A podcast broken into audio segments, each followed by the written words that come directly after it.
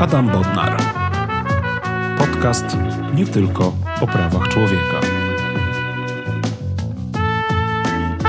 Szanowni Państwo, y, drogie słuchaczki i drodzy słuchacze, y, to jest podcast nie tylko o prawach człowieka. Rozmawiam z moimi gośćmi na tematy związane z przestrzeganiem praw człowieka, praworządności i na temat standardów demokratycznych w Polsce. Y, dzisiaj będę rozmawiał z panią Agnieszką Sikorą, prezeską Fundacji Po Drugie. Dzień dobry, pani prezes. Dzień dobry, witam serdecznie. Pani mm, prezes, a może prezeska Agnieszka Sikora prowadzi od 2011 roku Fundację Po Drugie. Z wykształcenia jest dziennikarką. Skończyła studia dziennikarskie na Uniwersytecie Warszawskim. Później skończyła także studia podyplomowe z zakresu pedagogiki resocjalizacyjnej w Akademii Pedagogiki Specjalnej imieniem Marii Grzegorzewskiej. Przez wiele lat była związana ze światem dziennikarskim, pracowała jako dziennikarka, reportażystka, producentka filmów dokumentalnych, filmów także paradokumentalnych. Współpracowała z Polskim Radiem, Radiem dla Ciebie, z telewizją publiczną, z Polsatem, z programem Uwaga TVN.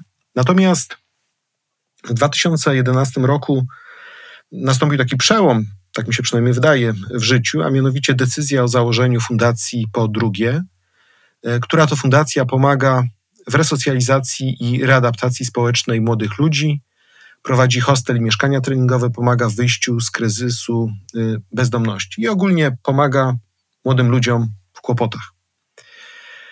Czy raczej pomaga w wyjściu z kłopotów, może tak powinienem powiedzieć. Pani prezes Agnieszko, bo przecież znamy się nie od dziś, powiedz mi,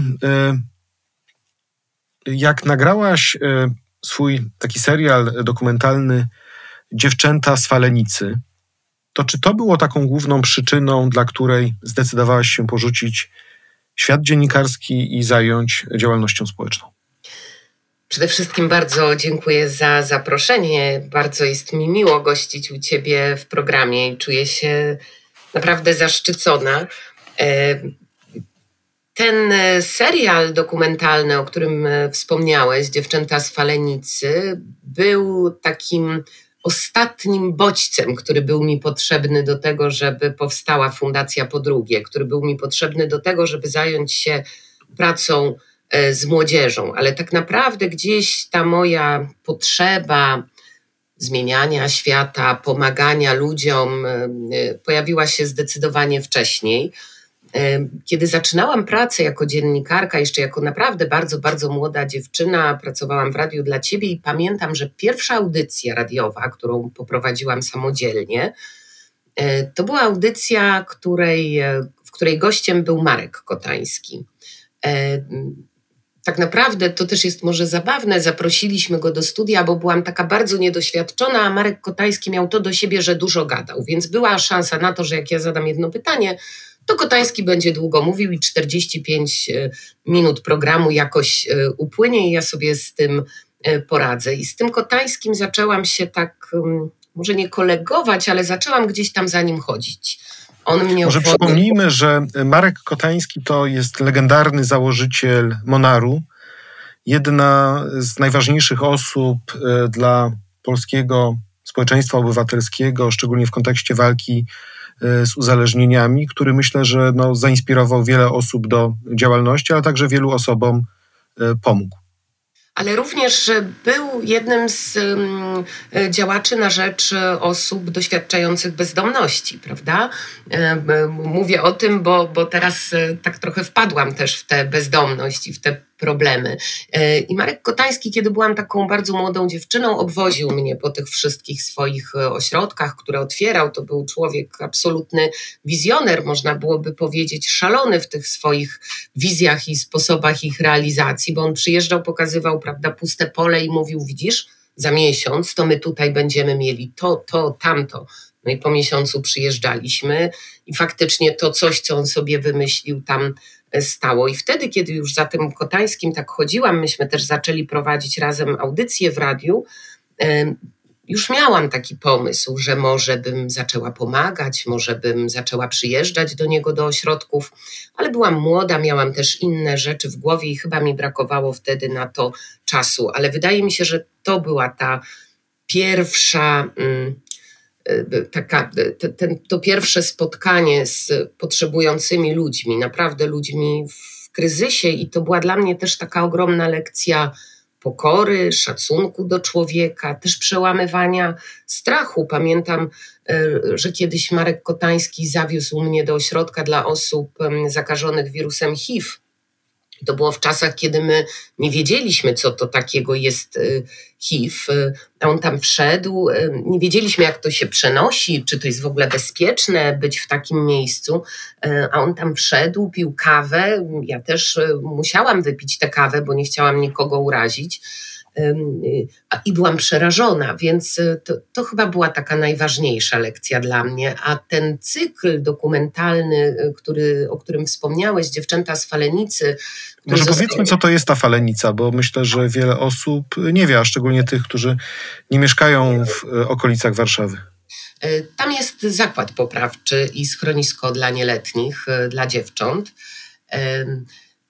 I tam postanowiłam, ponieważ kiedyś nagrywałam też jakiś materiał, rozmawiałam z tymi dziewczynami, poczułam się bardzo poruszona, bo zobaczyłam, że to, że one są w zakładzie poprawczym, tak naprawdę y, jest spowodowane tym, z jakiego one wywodzą się domu. Że gdzieś tam przecież te dziewczyny nie urodziły się złe. One wszystkie miały takie koszmarne historie y, za sobą, takie straszne doświadczenia. To były dziewczyny, które przecież miały 15, 16, 17 lat.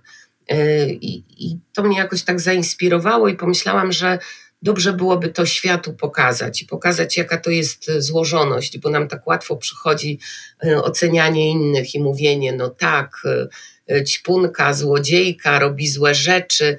A przecież ona się taka nie urodziła. Gdzieś tam to, że tak się stało, zostało czymś e, spowodowane. I zrobiłam ten serial dokumentalny i nie mogłam z tej falenicy wyjechać, bo zaprzyjaźniłam się z dziewczynami. I tak trochę na spontanie, że tak się wyrażę, e, pomyślałam, a założę organizację, będziemy tym dziewczynom pomagać i innym młodym ludziom, którzy są w takich placówkach, no bo kiedy kończy się ten pobyt w placówce, to nie bardzo mają co ze sobą zrobić. Często jedyną opcją jest powrót do środowiska, do domu rodzinnego, a przecież to jest ten dom, który był powodem i który stał u podstaw tego, że, że te dzieciaki, te dziewczyny trafiły do zakładu poprawczego. E, o, o tych dziewczynach e, czy dziewczętach z Falenicy mówi się, że są to dziewczyny z przeszłością i bez przyszłości. I czy faktycznie tak jest, że one mając właśnie różne doświadczenia z przeszłości, nie są w stanie zbudować swojej dobrej y, przyszłości. Jak to oceniasz? Och, powiem Ci, że poruszyłeś bardzo trudny temat, który ostatnio mi bardzo leży na sercu, bo mm, może wyjaśnię y, Państwu, którzy nas słuchają, że w Fundacji Po Drugie pracujemy bardzo często z osobami, które opuściły placówki resocjalizacyjne, czyli między innymi zakłady poprawcze, młodzieżowe ośrodki wychowawcze, ale również z młodzieżą po pieczy zastępczej, czyli po domach dziecka, rodzinach zastępczych, ale także młodzieżą, która wychowywała się w domu, ale stając u progu swojej dorosłości, zmierzyła się z bezdomnością. I to są nasi klienci, uczestnicy naszego wsparcia. I ja oczywiście zawsze wychodzę z założenia, że każdego człowieka da się uratować, że człowiek jest elastyczny, że człowiek może się zmieniać, że człowiek jest chłonny i potrafi uczyć się dobrych rzeczy, naprawiać swoje błędy, ale pracuję już 10 lat z tą młodzieżą i odpowiadając na Twoje pytanie, czy da się te dziewczyny naprawić, tych ludzi naprawić, czasami mam wrażenie, że robimy ogromne wysiłki, a postępy są bardzo niewielkie. To jest bardzo trudne w tej pracy. Ciężko mi jest na to odpowiadać, bo ciągle namawiam wszystkim: pomagajcie, pomagajmy tej młodzieży, a czasem sama odczuwam ogromną bezradność. Cały mój zespół ją odczuwa, że, że czasami, kiedy to dzieciństwo, to dorastanie były złe, kiedy nie było tam dobrych doświadczeń, właściwej edukacji, takich nawet podstawowych rzeczy, to bardzo trudno jest zbudować tę przyszłość, która nie będzie przyszłością za kratami, przyszłością osoby uzależnionej, przyszłością człowieka, który upada. Pozwól, że przeczytam Tobie fragment y, Twojego bloga, y, który prowadzisz na y, stronach Fundacji Po Drugie, gdzie mam wrażenie, właśnie się do tej kwestii odnosisz. Cytuję. Tymczasem w środku są dziećmi, które powinny nadal kopać piłkę na podwórku, a my wymagamy od nich, żeby podejmowali odpowiedzialne i dojrzałe zachowania. Każemy im iść do pracy, a przy okazji wieczorowo lub zaocznie ogarniać szkołę. Wymagamy, by chodzili na terapię, brali leki przepisane przez psychiatrów, utrzymywali trzeźwość. Wreszcie chcemy, by wypieli się na kolegę, który nie ma dachu nad głową, bo przenocowanie go jest jednoznaczne z przykrymi konsekwencjami. Koniec cytatu. I właśnie, czy, czy, czy możliwa jest pomoc, taka rzeczywista pomoc, taka długoterminowa, jeżeli e, te dzieci, ta młodzież no, nie czerpała wzorów e, e, od swoich rodziców, znajomych, dalszych krewnych, wychowawców w szkołach, trenerów? Czy, czy, czy możliwe jest w ogóle ich na tym etapie nauczenie tego właśnie życia i odpowiedzialności? Myślę, że my nie możemy przestać wierzyć w to, że to jest możliwe, bo wtedy nasza praca kompletnie straciłaby sens. I też y, byłoby nieprawdą, gdybym powiedziała, że mamy na swoim koncie tylko porażki i tylko ludzi, którzy coraz niżej, coraz niżej y, upadają, bo gdzieś w gronie naszych podopiecznych są osoby, które naprawdę sobie poradziły. Ale ten cytat, który przytoczyłeś, faktycznie mówi o pewnych rzeczach, które no, są w jakimś dysonansie, tak? Bo do nas przychodzi młody człowiek, który nie potrafi nic, a ponieważ nie ma nic, nie ma pieniędzy, nie ma matki, nie ma dobrej ciotki, czy kogokolwiek, kto się nim zaopiekuje, to on musi bardzo szybko stanąć na własnych nogach, podczas gdy ta przeszłość, te braki cały czas go gonią i cały czas powodują, że on nie jest w stanie tego zrobić. E, dlatego ja coraz częściej o tym mówię i postuluję, no, no, wszyscy pewnie się z tym zgodzimy, oczywiście przede wszystkim intensywną pracę z rodziną, żebyśmy mogli zapobiegać takim sytuacjom, o których teraz rozmawiamy, ale również o pewnym bardziej radykalnym, to jest złe słowo, ale bardziej zasadniczym, o tak bym powiedziała, podejściu do sytuacji dziecka, bo gdzieś nam w tym wszystkim ginie dziecko, bo większość tych naszych podopiecznych, tej młodzieży, której tak trudno jest wejść w dorosłość, która nie ma żadnego przygotowania, żadnych wzorców, e, Większość tych młodych ludzi była w placówkach, ale bardzo często była trochę w placówkach, trochę w swojej rodzinie, bo matka i ojciec przez chwilę coś tam zaczęli z tym życiem robić i oni tak krążąc pomiędzy jedną a drugą tymczasową sytuacją, ciągle żyjąc w strachu, ciągle nie mając jakiejś stabilizacji i sensownego planu na siebie, później mają tych lat 18-20 i naprawdę jest to bardzo trudne, żeby poskładać to i żeby sprawić, że oni zaczną robić coś ze swoim życiem, z czego my będziemy zadowoleni jako ci, którzy z nimi pracują, a oni będą szczęśliwi, spokojni, bezpieczni w swoim dorosłym, odpowiedzialnym życiu. No właśnie, a jeżeli, bo ty powiedziałaś, e, że oni mają te 18-19 lat, wychodzą właśnie z placówki, czyli jak rozumiem, e, czy to z młodzieżowego ośrodka wychowawczego, czy z, z zakładu poprawczego. E, no dobrze, ale jeżeli oni mają te 18-19 lat, to oni dla ciebie są już dorosłymi, czy są młodzieżą? Jak wy do tego podchodzicie? Hmm, y, powinniśmy tak naprawdę traktować ich jak dorosłych, ale gdzieś już nawet w tej relacji y, codziennej i takiej może banalnej wydawałoby się zasadzie jak y, komunikacji. My do młodzieży mówimy po imieniu, młodzież do nas mówi per pan, pani. Oczywiście przy pierwszym kontakcie zawsze to ustalamy, bo może któryś z tych dziewiętnastolatków powiedziałby, no nie, ja nie jestem Karol, tylko pan Karol ale to już pokazuje, że my jesteśmy jakby troszeczkę oczko wyżej, tak? E, w takim czysto komunikacyjnym, na takim czysto komunikacyjnym poziomie. My zmierzamy do tego, żeby móc zacząć traktować ich jako dorosłych. A jednocześnie czasem też musimy powiedzieć: Słuchaj, no jesteś dorosły, tak? To ty dokonujesz swoich wyborów, to ty podejmujesz decyzję o tym, czy chcesz dalej ćpać, czy jednak pójdziesz się leczyć. To ty podejmujesz decyzję o tym, czy chcesz wziąć na siebie odpowiedzialność, bo twoja dziewczyna zaszła w ciążę i jakim chcesz być ojcem. My możemy ci pomóc, my za ciebie tego nie zrobimy, tak? Bo jesteś dorosły. Ty wybierasz, czy będziesz kradł, czy będziesz zarabiał uczciwie.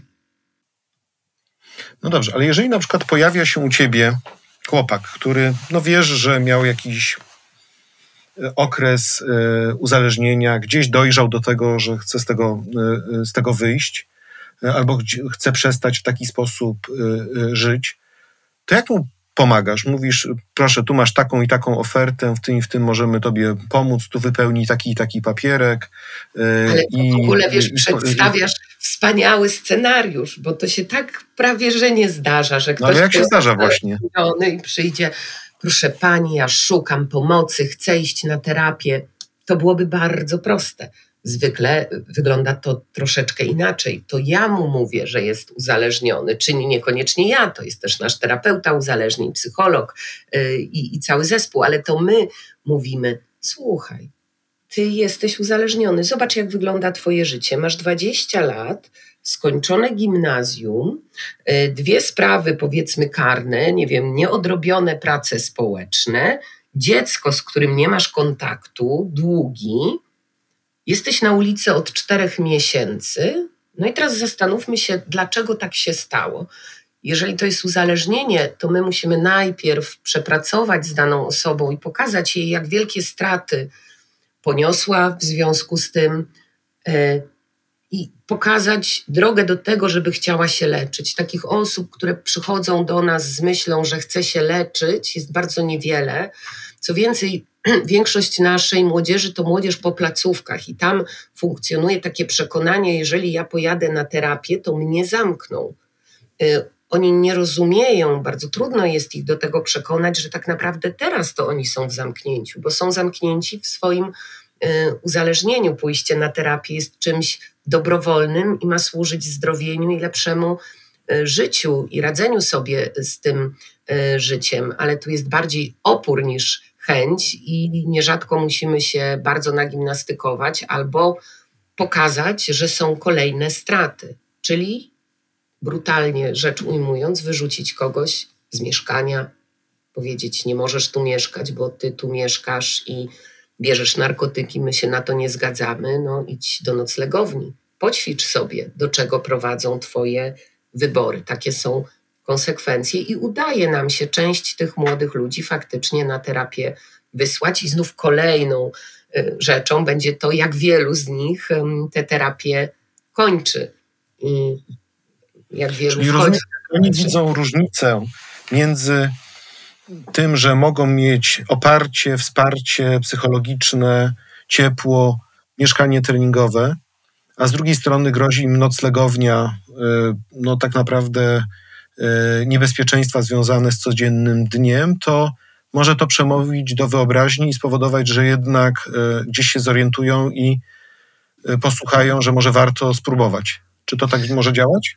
To, to mniej więcej tak wygląda i tu mogę nawiązać do początku naszej rozmowy. Tutaj się, że tak powiem, kłania e, Kotański, bo pamiętam, e, prowadziła, jak z nim prowadziłam audycje radiowe, dzwonili ludzie, rodzice często w sprawie swoich uzależnionych dzieci i Kotański mówił, ale dlaczego pani za syna wszystko załatwia, organizuje i naprawia? Niech pani zamknie przed nim drzwi.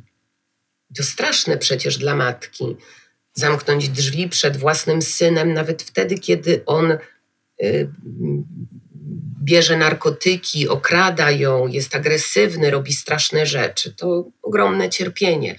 Ale my nie pomożemy, jeżeli będziemy y, tuszować y, konsekwencje tego zażywania. W związku z tym trzeba zamknąć drzwi, Trzeba pokazać te straty, pozwolić je odczuć, pozwolić, bo no, według tej prostej zasady, żeby zacząć się podnosić, trzeba upaść na, na samo dno, żeby było się od czego odbijać. E, a dlaczego nazywają ciebie w fundacji Shogunem? A, to jeden chłopak tak mnie kiedyś nazwał. To bardzo zabawna historia. Wiem, że to wziąłeś z mojego bloga, pewnie dość długa, ale e, pokrótce był chłopak pod wpływem alkoholu. U nas nie wolno być pod wpływem alkoholu w e, fundacji. Nie bardzo chciał się przebadać, no ale było widać, że, że coś wypił. No w końcu tam ustaliliśmy, że jednak jest pod wpływem alkoholu i mówię, proszę bardzo, przyjdź jutro, będziemy rozmawiać. A, kto, a czy pani będzie jutro w fundacji, się pyta. Ja mówię, słuchaj, nieważne kto będzie, to będzie, to będzie, będzie rozmowa na temat Twojego zachowania. No ale żeby tylko pani nie było, bo pani to jest jak szogun, powiedział to bełkocąc lekko, tak? No tak sobie wymyślił, bo pewnie jestem najgroźniejsza, najgłośniej krzyczę. No niestety czasami mi się zdarza podnosić głos.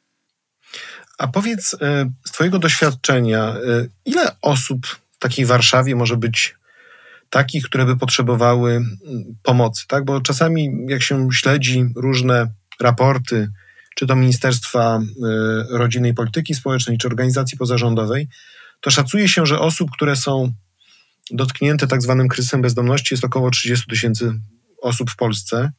Natomiast ta y, grupa osób, którymi się zajmujesz, czyli młodzież, y, to jest, można powiedzieć, grupa też specyficzna, ponieważ ona nie korzysta z takiej często z tej pomocy instytucjonalnej, z typowych schronisk dla bezdomnych, yy, tylko raczej właśnie tutaj czasami przypadkowo, może z noclegowni, może gdzieś prześpił kolegi, może gdzieś wyjedzie. Jak szacujesz, ile, ile jest młodzieży, dzieciaków, którzy potrzebowaliby takiego właśnie wsparcia, które ty zapewniasz?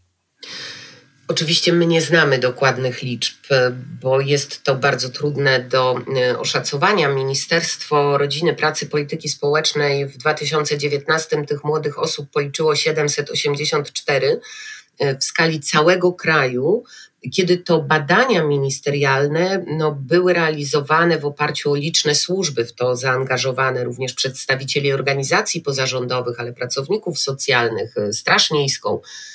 Ogromne badanie. Do tych młodych ludzi nie dotarli. My pod koniec 2019 roku również zrobiliśmy takie mikrobadanie w Warszawie tej młodzieży doświadczającej bezdomności do 25 roku życia i w ciągu dwóch nocy spisowych, e, które były realizowane tylko przez trzy ekipy, Czyli to nie jest ta skala, o której powiedziałam, jeśli chodzi o e, badanie ministerialne. Policzyliśmy 105 e, osób z tej grupy. Co jest bardzo istotne, to to, że mm, kiedy przygotowując się do tego liczenia bezdomnej młodzieży, pytaliśmy y, ośrodki pomocy społecznej, warszawskich streetworkerów, czy w miejscach, które oni rozpoznają jako miejsca przebywania osób y, w kryzysie bezdomności, czy tam w tych miejscach są młodzi ludzie? Wszystkie odpowiedzi były nie. Tam nie ma młodzieży. I co się okazało, że jakby służby w ogóle nie mają rozpoznania tego, gdzie tej młodzieży szukać. I te miejsca, w których liczy ministerstwo, to niekoniecznie są te, w której jest młodzież. Młodzież nie będzie przebywała w, gdzieś w altanach, w namiotach razem z 40, 50 czy 60-letnimi osobami e, doświadczającymi no, tego samego e, problemu. My nie wiemy tak naprawdę, ilu tych młodych ludzi jest. Natomiast porównując te dwie liczby i skalę tych badań, myślę, że możemy mówić na pewno nie o 784 osobach, tylko o liczbie dużo, dużo większej. W naszej organizacji, z naszej pomocy tak średnio miesięcznie korzysta około 30 osób. Przed pandemią przychodziła do nas jedna, dwie osoby w miesiącu jak zaczęła się pandemia, przychodzą trzy, cztery nowe, mówię o nowych osobach, trzy, cztery nowe osoby w tygodniu. Ja rozumiem, że poszczególne miasta mają różne polityki w tym zakresie, że w Warszawie jest wasza organizacja, e, Natomiast e, wiem, że Rafał Sonik też się bardzo angażuje w wsparcie takiej właśnie młodzieży e, w kryzysie. Wiem, że w, na północy w Gdyni też są dobre programy. Czy to jest tak, że postęp w tym zakresie, czyli naprawienie sytuacji zależy od bardziej władz centralnych, czy raczej takie inicjatywy i dobrego zrozumienia problemu przez władze lokalne? Albo może bym zadał takie pytanie, że już ten podcast mamy, y, będziemy mieli nagrany, to y, treść tego podcastu powinienem bardziej wysyłać do Ministerstwa Rodziny i Polityki Społecznej, czy bardziej do poszczególnych prezydentów miast? Do wszystkich, wysyłajmy do wszystkich, bo sprawa jest ważna. Y, my w Polsce nie mamy rozwiązań, które stricte są kierowane do młodych ludzi w kryzysie bezdomności. Fundacja po drugie jest tak naprawdę jedyną organizacją w Polsce, która zaczęła głośno krzyczeć: jest problem bezdomności ludzi młodych. Y, zaczęliśmy zabiegać o to, żeby ta grupa osób doświadczających bezdomności miała osobne rozwiązania. Dlaczego? Chodzi nam o to, nie tylko o to, że młody człowiek, mm, który ma lat 18-19, no nie powinien być w schronisku y, dla osób bezdomnych. Chodzi też o to, żeby młodzież nie przyjmowała tej tożsamości jestem bezdomny, jestem bezdomna, ja się na to godzę, ja się do tego przyzwyczajam. Ja zaczynam uczyć się nie jak pracować, tylko jak korzystać z jadłodajni czy magazynu odzieży. Y, y, dlaczego mówi, że powinniśmy mówić y, o tym wszystkim? Ponieważ możemy tworzyć wspaniałe inicjatywy, właśnie kierowane do ludzi młodych, już gdzieś tam na dole, bo tak naprawdę od dołu ten temat y, y, podnosi się do, y, do decydentów i, i idzie do, do ministerstwa.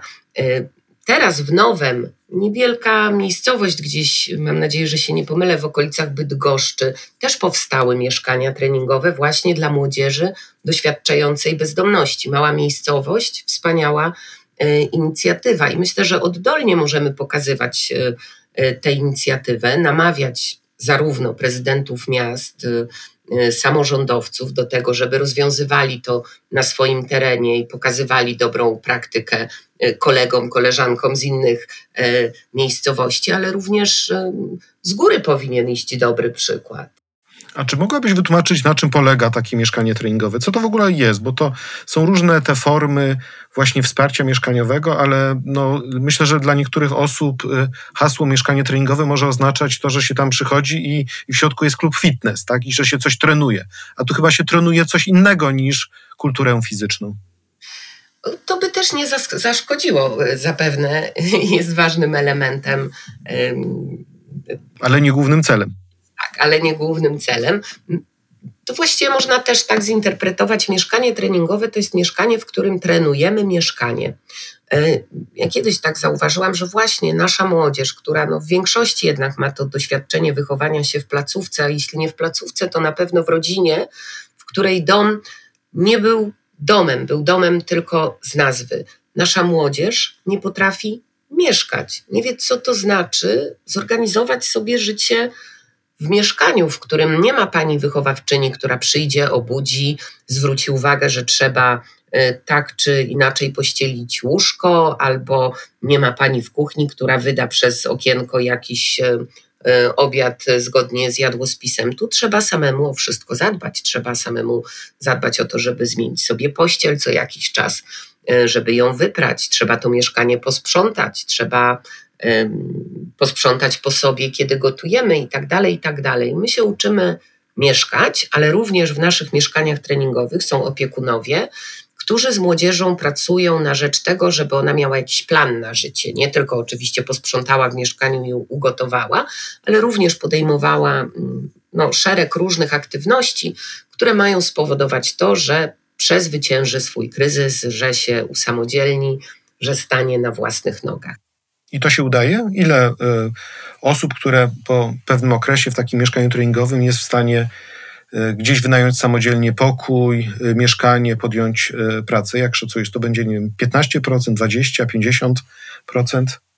Wolę tego nie liczyć na procenty, bo mogłabym być nieusatysfakcjonowana. To nie jest tak, że to się udaje w, w jakiś spektakularny sposób. Część naszej młodzieży uzyskuje prawo do lokalu socjalnego y, i przeprowadza się na swoje. Część młodzieży wynajmuje mieszkania. Myślę, że tak na 10 osób to by było od 3 do 5 osób. No to bardzo, to bardzo ładny wynik. ale później, kiedy zaczniemy dalej śledzić te losy, czyli nie zatrzymywać się na fakcie, że ktoś podpisał umowę najmu, czy podpisał, czy, czy dostał ten lokal socjalny, tylko jeżeli będziemy śledzić dalej te losy, to możemy zauważyć, że z tych pięciu tylko dwie się utrzymały. Ale trzy mają eksmisję, prawda? No tak, ale zawsze warto dla tych y, dwóch walczyć, prawda? Jak najbardziej. Ja nie mogę tego zapału stracić do walki y, z młodzieżą, ale tak jak za, zaczęliśmy na, nasze spotkanie, pytałeś, czy, czy da się tą dobrą przyszłość zbudować. My się staramy. Y, no nie chciałabym, żeby jedynym naszym sukcesem było to, że ci ludzie żyją, chociaż to jest wartość, że żyją. Chciałabym, żeby jednak tym sukcesem było to, jak żyją, prawda? A to jest trudne.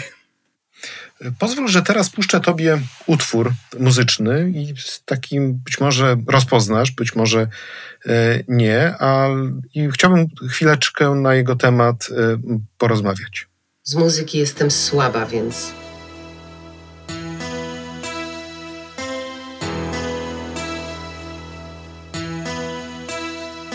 bo to my, my, mowy chce skład Tkwimy w tym ośrodku już od kilku ładnych lat Letny czas chcemy wykorzystać po to by Lepszym być człowiekiem i nigdy nie być złym Bo to my, skład Tkwimy w tym ośrodku już od kilku ładnych lat Letny czas chcemy wykorzystać po to by Lepszym być człowiekiem i już nigdy nie być złym Bo to my, Bielice skład, ziomek tak Posłuchajcie a nas, teraz o nas rap Życia krótko historię, To mow skład jest, tak? Mow skład. nas Powiemy tobie kilka zdań o sobie Tak jest, to jest MOW skład.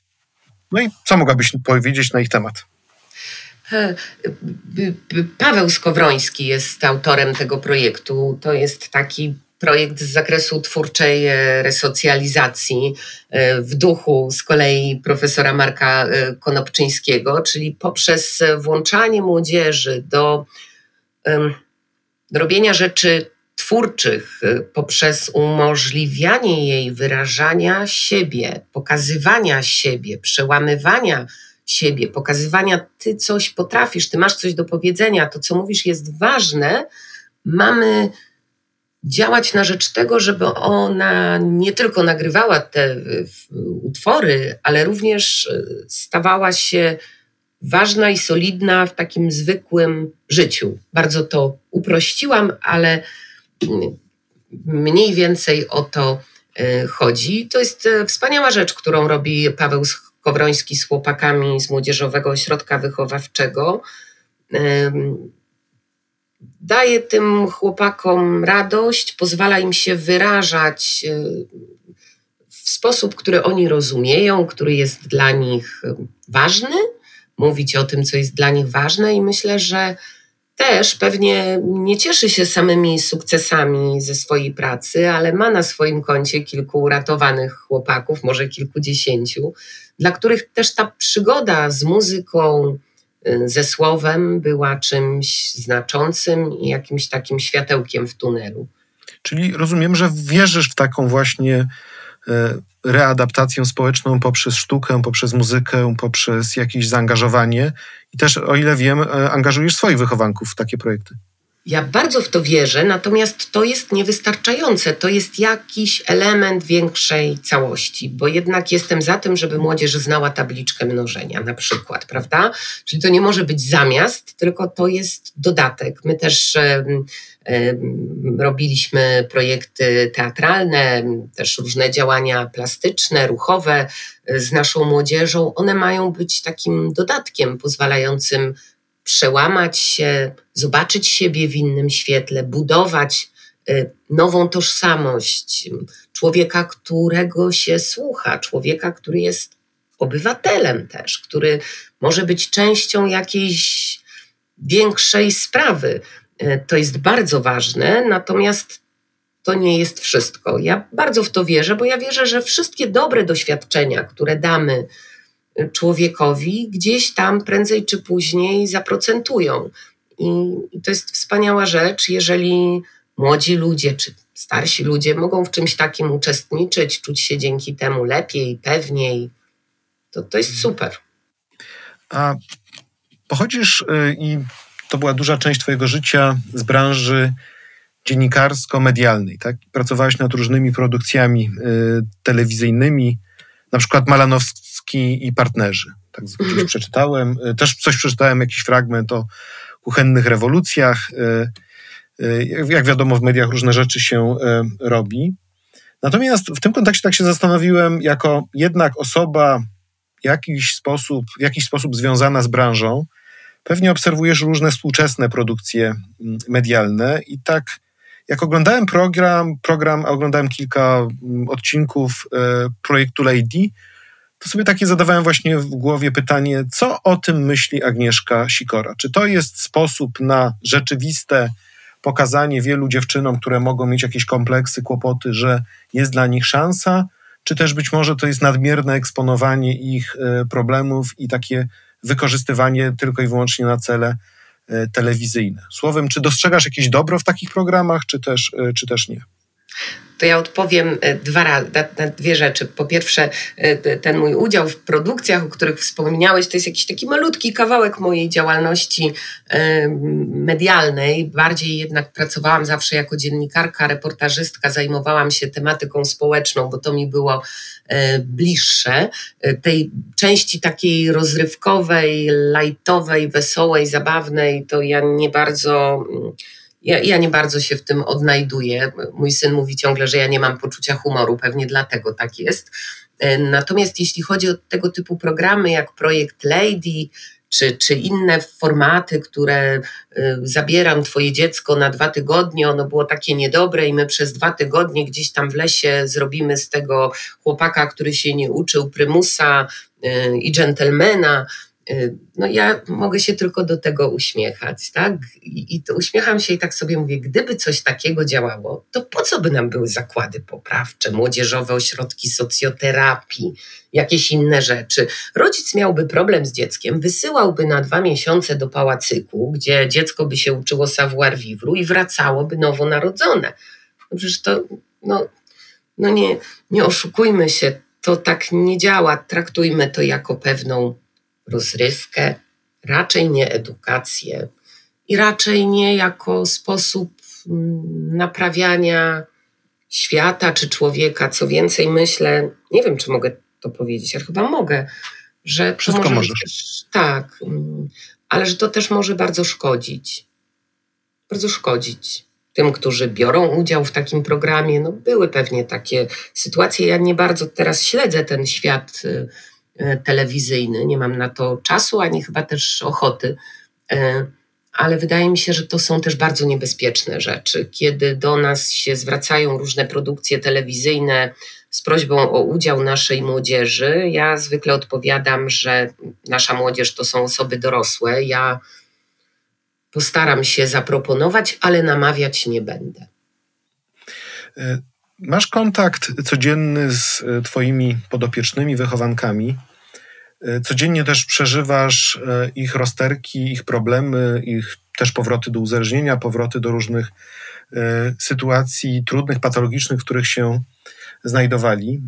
I tak się domyślam, że musisz to przeżywać i że nie sposób do tego podchodzić tylko i wyłącznie na zasadzie grubej skóry. Natomiast moje pytanie jest następujące: czy da radę zajmować się systemowo tymi problemami, czyli zastanawiać się nad tym, jak działa cały system, gdzie tkwią luki, co należałoby naprawić, jeżeli na co dzień się zderzasz z tyloma indywidualnymi przypadkami? Hmm. Ja próbuję trochę moją pracę zawodową poukładać i jakoś tak się od pewnych rzeczy odcinać, zajmować trochę inaczej, ale nie umiem się zupełnie odciąć od pracy z młodzieżą, bo wydaje mi się, że to jest gdzieś ta, to paliwo e, do tego, żeby mi się chciało rozmawiać e, i mieć, żebym mogła, żebym w ogóle wiedziała, o czym mam rozmawiać i mówić i co bym chciała, nie wiem, naprawiać, czy, czy czego uczyć, czy do czego e, namawiać. Ta młodzież jest absolutnie niezbędna, bo to przecież o nią chodzi. To od nich dowiaduje się i też weryfikuje na podstawie tego, co się z nimi dzieje i jak oni na pewne sytuacje reagują, y, tą ofertę, którą tworzymy w samej fundacji. Ale powiem tak, y, to jest bardzo wszystko trudne. To to jest bardzo wszystko trudne. Praca z człowiekiem jest bardzo trudna.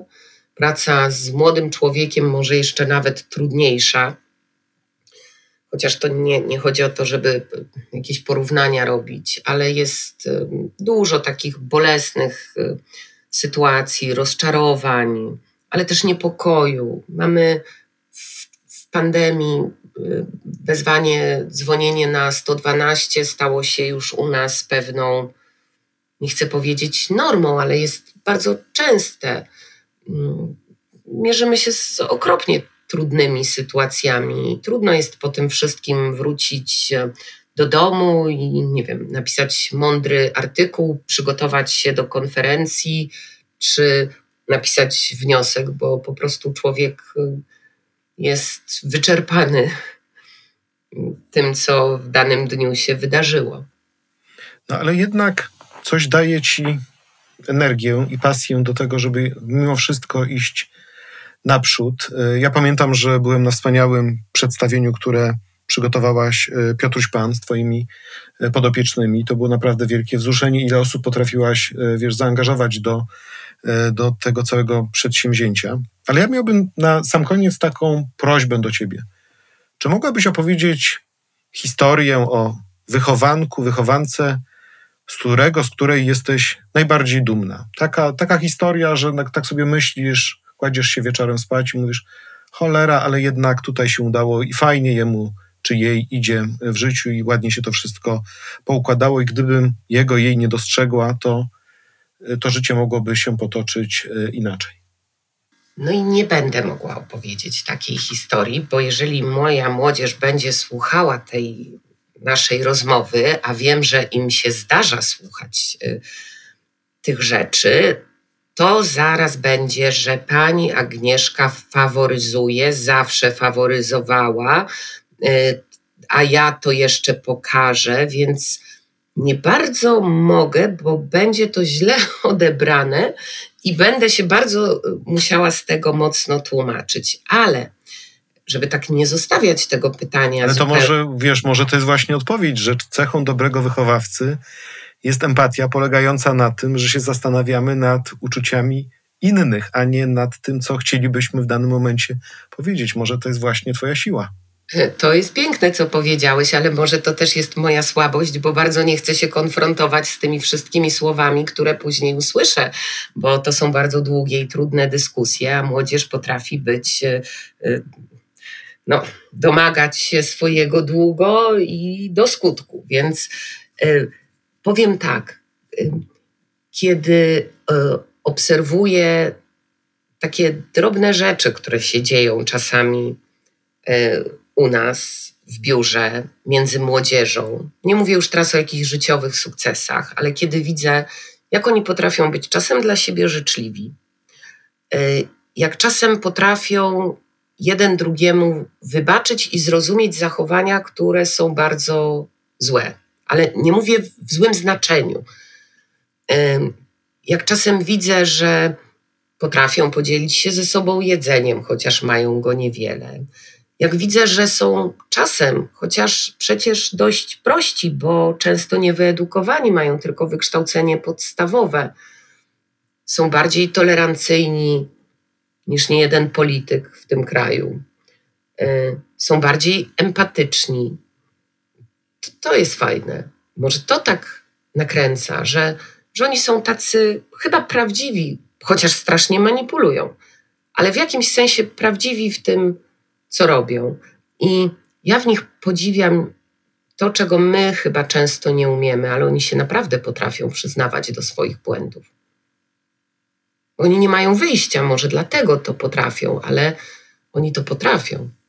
A czy ty potrafisz się przyznawać do jakichś błędów w stosunku do nich? Staram się nie popełniać. Na przykład, że gdzieś cię poniosły, poniosły emocje, albo że gdzieś za mocno zareagowała i że może tego szoguna było za dużo, a za mało e, szogunowej i pełnej empatii?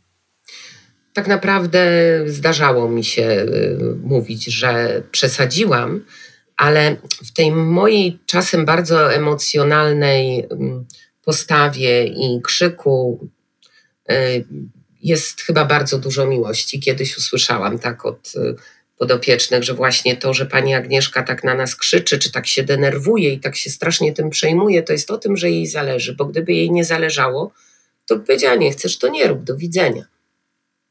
A ja krzyczę, żeby jednak się przekonał, że warto coś zrobić. Drodzy Państwo, moim gościem była Agnieszka Sikora, osoba, której zależy, osoba pełna miłości. Dziękuję serdecznie za uwagę. Dziękuję Pani Agnieszko. Dziękuję bardzo. Adam Bodnar. Podcast nie tylko o prawach człowieka.